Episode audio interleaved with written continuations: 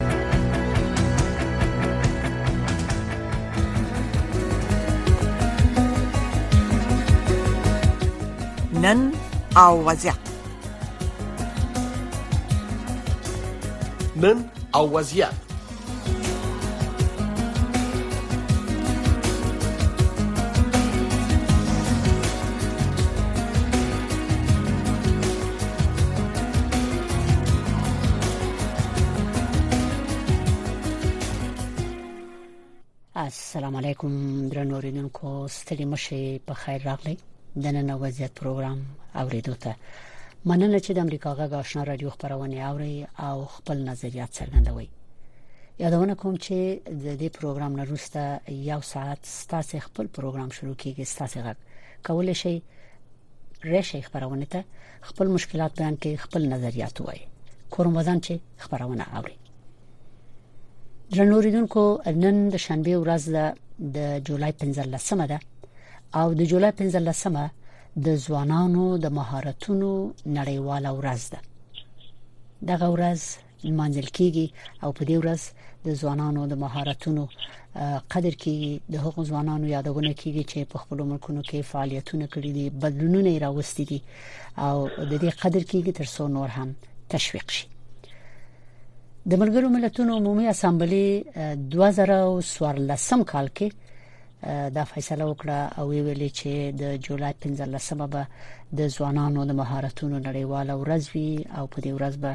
د ځوانانو قدردانه کیږي د دوی د استعدادونو د دوی د لیاقت او ابتکار او خلاقیتونو مګر نن چې د جولای 15مه ده او د غورزن منځل کیږي یو شمیر ځوانان افغانستان کې وایي چې په اوسنیو شرایطو کې په دوی د ژوند حال او شرایط دومره سخت شوی دي چې حتی ځوان قشر وي د خپل مهارتونو د اظهارولو هیڅ انګیزه نه لري چې وایي چې څه شي کې مهارت لري څه شي کې استعداد لري نو افغان ځوانان په دې نظرم دي چې د طالبانو د حکومت لاندې د خپل مهارتونو د غوړېدو د پاره وې دوی ته هیڅ فرصت نه دی مساعد نو موږ غواړو پام دی وغږیږو چې د دغه ورځې د اعلان یا د نومول کېدو خبره خو څو کال مخکې شوې ده 2014 کال کې شوې ده هغه وخت کې په افغانستان کې یو حکومت موجودو جمهوریت موجودو او هغه ملکونه چې د ملګرو ملتونو غړي دي دوی باید د دغه سه ورځو مانځنه وکړي او عمل وکړي په هغه پریکړو باندې چې د ملګرو ملتونو لخوا اعلان کیږي او مکلف او حکومتونه مکلف وي چې دا غي د پر کار وکړي نو موږ اوس غواړو چې په همدې برخه کې وغږیږو چې د ځوانانو د استعدادونو د روزلو لپاره باید څه وشي څوک مسولیت لري د ځوانانو مسولیت څه دی او ملکونه د ځوانانو د استعدادونو د روزلو لپاره څه ډول پالیسي باید ولري دا د چا مکلفیت او د چا مسولیت دی منګه په دې مسلې باندې د بحث لپاره دوه تنه ملمانه را بلل دي چې د دوی نظریات ورو دوی خپل تحلیلو کې خپل تجربې به وایي یو ملمانه لرو هغه د فرانسې نه زمونږ خور ده اشرفي خور او بل هم خبريال او لیکوال ژورنالیست زرغون شاشینوار صاحب دی چې خبرونه ته مو رابللې ده نو ګورو چې زمونږ دواړه ملمانه خبرونه کې دی نه اول خدیجه اشرفي خور تا ته ستړي مشه وایم السلام علیکم پروګرام کې ډیره زیاته مننه سلامونه تاسو ته تاسو ملما شنوار سپته او تاسو خوږو اوریدونکو ته مننه چې ماته مو نن وخت راکو خواهش کوم تاسو خپل پروګرام دی محترم شینوار صاحب په خیر راغلی ستړي مشه پروګرام ته مننه خادم خور تاسو او شفیع خور او د افغانستان خلکو د پروګرام چلونکو ټولو ته سلام او پیرزوینه وړاندې کوم نو موږ په دې ورځ مبارکي وایو هغه ځوانانو ته چې دوی د خپل ملک او د خپل ملت او د دنیا د انسانانو د خیر لپاره فکرونه کوي ابتکار کوي پروګرامونه جوړوي عملا کار کوي او غواړي چې یو څوک په دې دنیا کې چې راغلي دي یو خپل مسولیت ادا کړي ځکه انسانان چې راځي هغه خو بیرته حتمنځي مګر یو څه باید کړی وي په دې دنیا کې خو صحیح ده د ځوانانو لپاره چې مثلا د دوی د ژوند مسیر وټاکل شي اول خو د دوی تهداب د کورنۍ نه یې خویل کیږي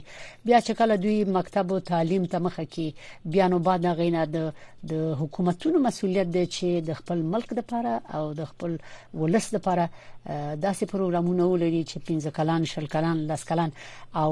آینده کې د خپل ملک لپاره د سیاسي او پالیسي ولري چې مثلا آینده 50 یا 100 کلونو کې دغه ملک په کومه خوا باید لاړ شي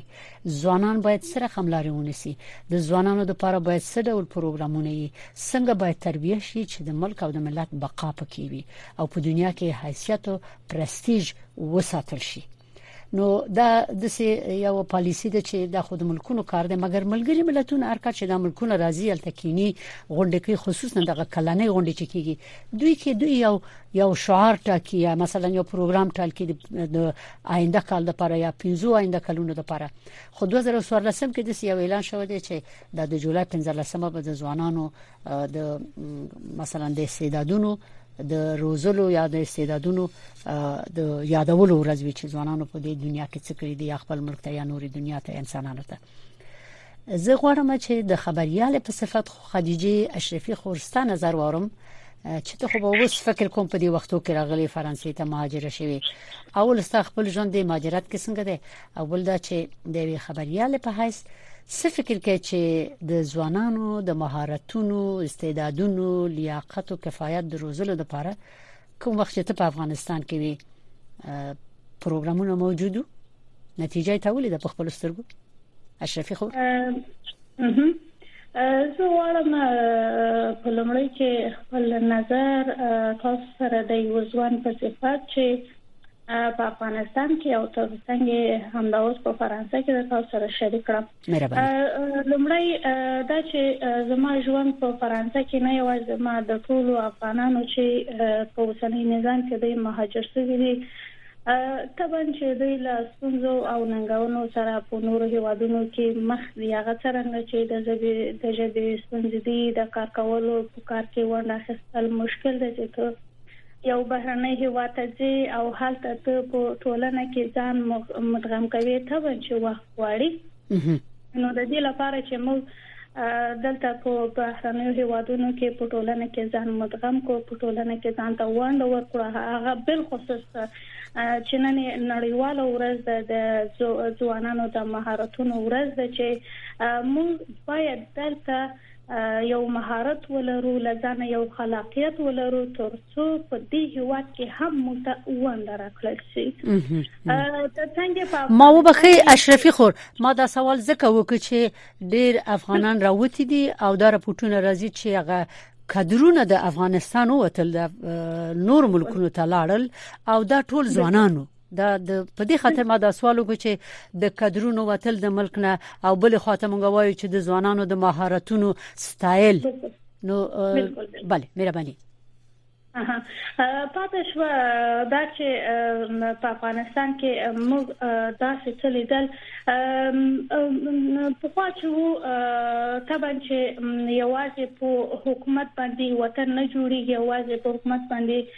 همدا چې تاسو ونی څه په نړیواله سطح څه د یو هیواد په سطح باندې هیڅ حکومت یوازې نشي کولای چې کار وکړي ولې که ځوانان ورسره وي ځوانانو له انرژي او خلاقیت نه استفاده وکړي طبعا چې کولای شي چې یو د ځوانانو له مهارتونو نه ګټه واخلي چې خو په افغانستان کې د افغانستان په ستاسو خبرې وکړم خال خال استفاده تر کېدل نه یوازې په افغانستان کې موږ تاسو وینو چې همدا اوس د ځوانانو له مهارتونو نه د کرکټ کې او همدا په نورو برخو کې په نړیواله کچه استفاده ترې کیږي همدا ځوانانو چې قرباني ورکړي همدا استعدادونه ولو چې افغانستان ته یې کار کړی وو ولی هغه څرنګه چې مهمه ولا او هغه څنګه چې باید ځوانانو ته په نړیواله کچه چې هغه ځوانان چې دوی مهارتونه لري او د دوی مهارتونو چې هغه فني حرفه‌ای دي متاسفانه چې په نړیواله کچه د ته زمينه نه ده برابره شوې دوی ته داسې یو مهارت یا داسې یو زمينه نه د مهارت برابر شوی چې لاغوي نه ګټه د مثال په توګه یو ځوان چې هغه مالی اقتصادي ستونزې لري هغه نه کولای خپل مهارت مخته واچي هغه نه کولای خپل مهارت نه استفاده وکړي ولی ځکه چې هغه نه کولای شي مهارت په مخه ځکه هغه مالی ستونزې لري نو کله چې نفر مالی ستونزې ولري نو هغه څرنګه کولای شي له خپل مهارتونو نه استفاده وکړي ورځ په ورځ منځل شي خو مهم دا ده چې په دې ورځ کې د ځوانانو د راتلونکو د ځوانانو د دورنما یا هغه ځوانان چې دایمي یا اساس کار ته ضرورت لري چې باید د مهارتونو په دوامدار او ګټوره ګټه واخلي چې په افغانستان کې څه په نړیواله کچه داسې یو کار متاسفانه نه ده شوی او زه یې هم تر اوسه پورې چې تاسو ویل چې تاسو داسې یو څه لیدلي، متاسفانه ما نه دي لیدلي. ښه، مننه تاسو نه خدیجې اشرفي خور کور ودان. محترم زرغونشاه شینواری صاحب تاسو څه فکر کوئ چې دا چې وایي چې ځوانان د یو ملک سرمایه ده او دا سرمایه باید راکده نه وي د دې نه باید کار واخیستل شي د دې سرمایې نه نو څنګه د دې سرمایې نه کار واخیستل شي ورځي خو هغه د تعین دی لکه څنګه چې اشرفي خورو ویلي تاسو کافي تجربه لرئ افغانستان کې مو درس ویل تعلیم هم کړی دی چې بیا ډیر کارونه په خوادل تماجر شوی راغلی د ژوند ټول تجربه لري رادیو چلوي پروګرامونه لري ژورنالیست ستا تجربه څه ده چې د ځوانانو د لیاقت او مهارت او استعدادونو د روز روزلو لپاره دغه اصلي بنیاد چیرته خودل کیږي د کم زینه او مسولیت د چا دی مننه د په اصل کې خو د ځوانانو د روزنې لپاره ټولنه دا چې د لکه د مور غیک د چا چې مور وی او هغه مور بیا ښه بس یا مور وی په لامن کې بیا د هغه مور ښه اولاد را لوي او د چا چې مور نه او ستړې ستومانه مور ولري نو دا هغه په دې کې سرسبیل اولاد راځي زه تاسو خادم خور یو مثال وایم او تاسو د دې شاهدان وای بله په لاسګونو زره ځوانان ډاکټران انجنیران پروفیسوران پیلوټان ملایان مولایان مفتیان اهل حدیث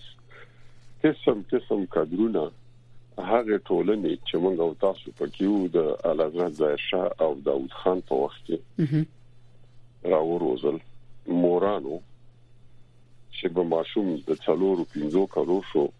د قران شریف سپاره به ورته په لاس کې ورکړه ورته به لا شنه ملا صاحب نه الف به تیز ذکر په وګو کارو ته چې به ورسه مکتب کې به واچو فاکولټه وشو تخصص وشو موږ تاسو ولیدل تر اوسه پورې زه د خبريال په توګه چې څومره معلومات لرم تر اوسه پورې چې دا نن ورځ موږ او تاسو خبرې کوو د اماغه وخت را روزل شوی نسل دی چې د افغانستان د اقتصاد د سیاست د افغانستان د کلچر د فرهنګ د مبارزې او د هر شي د مدرسې مکتب د ملت د جوړولو او دولت د جوړولو هغه د ملا تیرکل جوړي مګر وګوره برعکس دا څلور څلويخ کال بله چې مون د وطن د مور غېګه د اور نه ډکه ده او یو قسم نظامونه راځي چې هغه د افغانستان د خلکو د پاره نه بلکې د نورو د فرمایشونو د پاره راځي مونږ او تاسو دقیقا د یو سي آر د ورسته احصایې په اساس باندې موږ او تاسو امدا شیبه نه میلیونه افغانان د هواد نه بهر ماجر لرو یعنی په هر څلور افغانانو کې یو افغان به وطن دی او په دې هر څلور افغانانو کې چې یو افغان به وطن دی نو حتمن په سلو کې د 500 نه زیات چې دی اغه ځوانان او پیغلي دي دا هغه ځوانان او پیغلې دي چې دوی د نن افغانستان کې د مستری د شاګردۍ نه نیولې د پونتون تر استادې پورې د دې ټولنې ماشين تاواو منګه اوس د یو مات ماشين خوا ته راټول شوی وو او په دې تمه یو چې دا ماشين به کله جوړیږي او مخکې وځي لکه څنګه چې تاسو ویل دولتونه حکومتونه د ټولنې د هر قشر په مقابل کې ځانګړي وظایف مسولیتونه او ځانګړي دندې لري د ځوانانو په مقابل کې د حکومت مسولیت خورا جدي خورا حساس او خورا مهم دی زما یاد شي یو وخت د کابل پوهنتون کې څلور پنځه میاشتې مظاهره وی او مکتبو کې د اغي وخت د پوهنې وزیر په خصوصي ډول باندې پونتون ترغه او اغلته د ماسلینو د اتحادي مشر زبی الله اسمتیو د دې او د نورو سره وکتل چې ډوډۍ مو حکومت درکړي بوټان هم درکې سفر خرڅ هم درکې قلم هم درکې کتابچه هم درکې لیلم یو کار وکړي که د دې مظاهرونو لاس نه خلې دومره هو وکړي چې د ورځې مظاهره کوي د شپې سبق وای چې د تعلیم هغه غخي اهمیت خي چې تعلیم څومره مهم دی ښه د ورځې مظاهره کوي دا موږ به ډوډۍ درکو امنیت مو نیسو او که نور مله سمشي د شپې سبق تر راځي د شپې سبق وایي ځکه تاسو وس هغه سنت نه یې رسیدلی تاسو چې دا هر ورځ سبق پرې دی په حقیقت کې خپل وطن پسې فاتحه کوي ښه اوس چې دا ځوانان په افغانستان کې وایي چې موږ ته فرصت نه دی مساعد او دغه خبرونه او رپورټونه راځي بل په دغه سه ورځن منزل کیږي نو څه فکر کوي چې غواړم اول د خدیجه خور نظر دی کې واورم د سه ول کیږي چې ځنې خلک وي یا ځنې ځوانان وي چې باید یو نړیواله ټولنه وي په دې کې دا ټول مساعد او مبتکر ځوانان راغون شي او دوی کارو کې نو د نظر کې تاسو څه وایي د افغانستان ځوانان هم پکې برخه ولري چې دوی وکړي شي آزادانه خپل نظر سرګن کې کارو کې فعالیتو کې ابتکارو کې او خپل استعدادونه سرګن کې دنیا ته لکه دا اوس چې په دې دنیا کې مونږ ژوند کوو دا د همدغه سه انسانانو د مغزون او محصول دی چې د مونږ پکې ژوند کوو په دې نړۍ کې نو د آینده نړۍ لپاره هم د ځوانانو روزلو تربیه پکار ده د حکومتونو مثلا د پالیسی چې یو ملک په دغه مسیر روان شي دغه باید څنګه جوړ شي کې دې شي تاسو فکر کوئ افغانستان کې یو وخت دغه یو یو غره شي یو فرصت راشي خدیجه خور څه وایته د دې امکانات ویني په دې شرو کلو کې چې تیر شرو کلو کې زه د یو داسې اقدام شاهد نه و متاسفانه باید وایم خو خوشبینه پدې یم ټول هیوادوالو ته تاسو ملما او اوریدونکو ته معلومه ده چې اوسنۍ نظام داسې یو پلان یا داسې یو برنامه‌ریزي دوی نه لري چې هغه ځوانان چې خلاقیت لري هغه ځوانان چې مهارتونه لري استعدادونه لري دی د یو سق یا چتر لاندې راټول کړي او دی نړیوالو ته ور وپیژني ترڅو وکولای شي لکه څنګه چې شنواري صاحب اشاره وکړه چې یو ماشوم د مور په غېږ کې همدومره لویږي او هماغسې رل لکه څنګه چې یو مور ستړې کې یو ښه اولاد روزي همداسې یو وطن چې هم څو د ځوانانو په مهارتونو باندې دوی کوشش وکړي همداسې ځوانان وروزي او د دوی حکومتونه مکلف دي کولای شي څنګه نه ولې خو په دې شلو کلونو کې داسې یو پروګرام نو زه امیدوار یم چې نوي حکومتونه هغه حکومتونه چې مکلف دي چې ځوانانو ته د یو اقدام وکړي چې هغه ځوانان چې د کلنی راپور یا کلنی غونډه کې چې د لري هغه ځوانان دا وغواړي د هغه له مهارتونو نه استفاده وکړي او ترڅنګ ډیر چې مهم ده هغه دا ده چې داسې یو سازمان داسې یو دفتر جوړ شي چې یو مشخص آدرس ولري څو ځوانان د خپل د خپل آدرس لاري هم هلته ورسي خپل مهارتونه وړاندې کړي ترڅو هغه ځوانان په نړیواله کچه وپېژندل شي او د دوی د مهارتونو نه ګټه واخیستل شي. داسې موضوع ګونګه ده، ورځ لمانځل کېږي، ولې ځوانان ادرس نه لري، ورځ لمانځل کېږي، ځوانان لاره نه لري چې کوم خواته ولاړ شي څنګه د خپل مهارت چاته ښکاره کړي ښه اوس خو دسه دا چاته ښکاره کړي بله اوس خود سي یو حالت دی چې رپورټونه راځي تاسو اوري دنیا خبريږي چې افغانستان کې څه حال دی یو خواته غربت دی فقر دی بدبختی ده او مثلا طبي حوادث دي د دنیا مرستي و هم تاسو ګوري او مشکلات ټول توازي دي مشکلات ته برنورزو شینوار صاحب ته د توقع لري چې په افغانستان کې به د یو ورځ وی چې حکومت به وی او مثلا 15 کلنه شل کلنه پالیسی بلري د ځوانانو د تربیه او هغه ته به یو لارښود موجود وي د دوی استعدادونه به روزل کیږي په خو هم ډیر ځوانان لاړل خارج ته تعلیمونه او تحصیلونه وکړل بیرته راغلل مګر نن سبا زیاتره کسان چې په افغانستان کې وي دوی تاریخ لوسته دي پیږي دوی وایي چې ځوانان مو لاړل خارج ته تعلیم او تحصیل وکړ مګر بیرته چې راغلل دوی د ملک په جوړولو پوه نه شول د ملک د ملت او ځین لا حتی دا وایي چې هم دې ځوانانو د لاسه چې دوی راغلل دغه ملک دې سرحد ته ورسېږي ته څه وایي چې څه باید وشي هر ملک د خپل ولس د ساتلو او د خپل ملک د ساتلو لپاره پالیسي لري دا یوازې په دې نه ده چې د ځوانانو مهارتونه وروزه د هغوی د استعدادونو تعریف وکاو او ویروزه څه باید وشي دا ځوانان چې د ملک سرمایه ده څه باید وشي بله ډیر کم چې هغه هیڅ په فیصدۍ کې نه راځي ډیر کم داسې ځوانان چې د افغانستان په دغه 1540 کلونه ور اخوا بهر ته د سبق او مسلکي زده کړو لپاره استول شوی وو ندرتان ډیر کم وطن ته خاين او غداران وخت ندرتان ډیر کم ډیر کم او ډیر کم بيخي چې هغه په فیصدي کې ناراضي او چې غداران او خاينان وخت هغه بیا د کنداریانو په اصطلاح باندې خنامیانه مخاطب منتها زیات خلک چې وو چې بهر ته تللی د زده کړو لپاره هغه خو خطل علت دا و چې په پخوانی افغانستان کې لکه څنګه چې تاسو مې باندې وکړه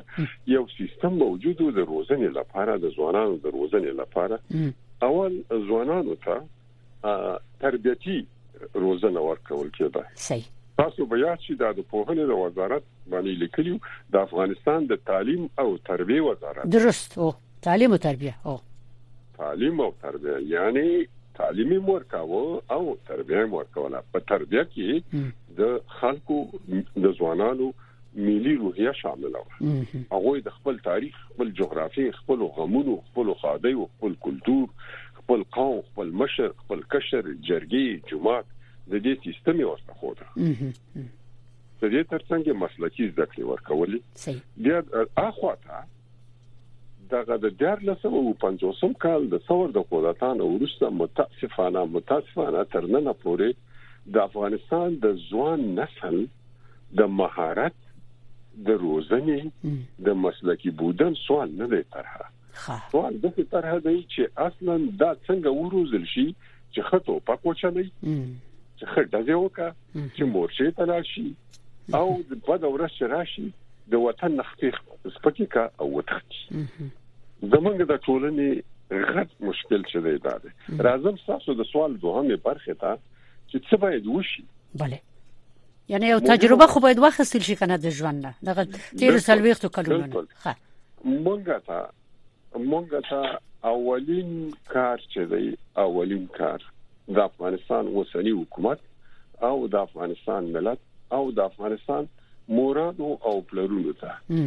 کوشش دی وکړه چې د دو اولاد باندې کم تر کمه سواد زده کړه زده کړه ور باندې زده کړه تربیه اخلاقی لحاظ باندې زمونږ د ټولنې په منځ کې په خپل یو تسلسل د تربیه شته هغه په طبيعي ډول باندې کومګه عصري او مجهزه تربیه لاس تر نه وړو هغه طبيعي او ملي تربیه بران سره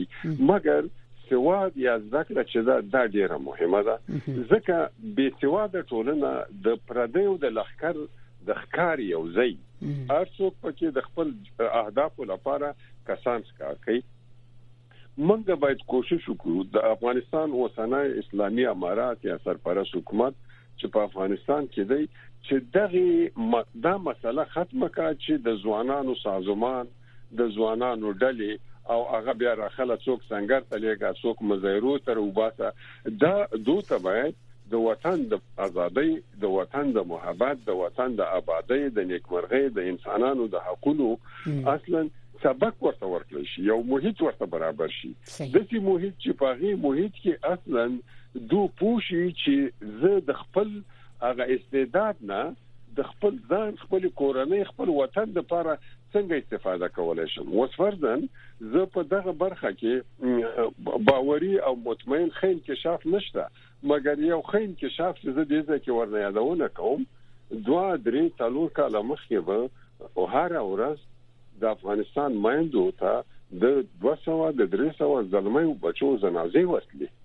د هغه په کونډې یتیمان پاتې کېده اوس هغه بدبختی خوشبختانه ختم شو اوس فرضاً ځینې ځوانان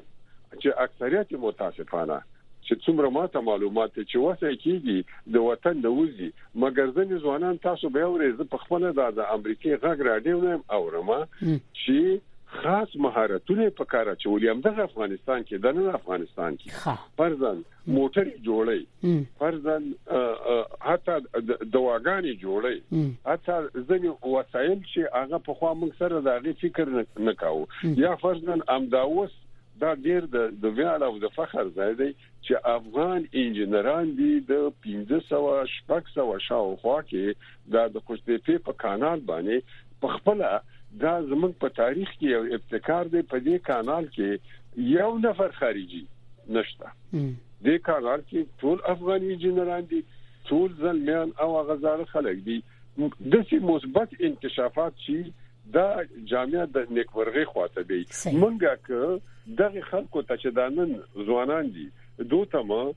طب ورزده که انجنیری مو ورزده کړه طبابت مو ورزده که د خبرو چل مو ورزده که سبا ته به د سړیتوب په ځای کې ناست یو د سیالانو سره به سیالان یو که ورزده مو نه کړه پردی به راځي او په تنخوا باندې به موږ نه دی او جنگ ور باندې کوي بس خا یعنی د دغه سي اقداماتو لپاره زمينه تاسو فکر کوئ مساعده ده او ان شاء الله افغانستان به یو ورځ د دې ځوانانو د دې قوت او ذهني قوت او جسمي قوت نه پوره کار واخلي د دې ملک د آبادولو لپاره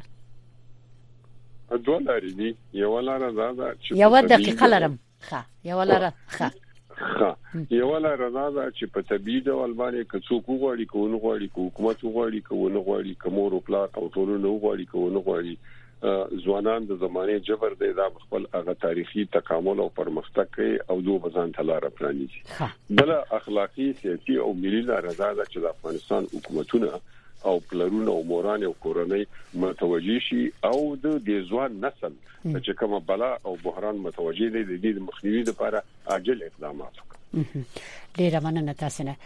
د امریکا غږ آشنا رادیو درنو ریدونکو د جولای 15مه چې نن د ملګرو ملتونو اعلان کړی دی چې په دې ورځ به په دنیا کې د ځوانانو مهارتونه په نړیواله سطح باندې سایل کیږي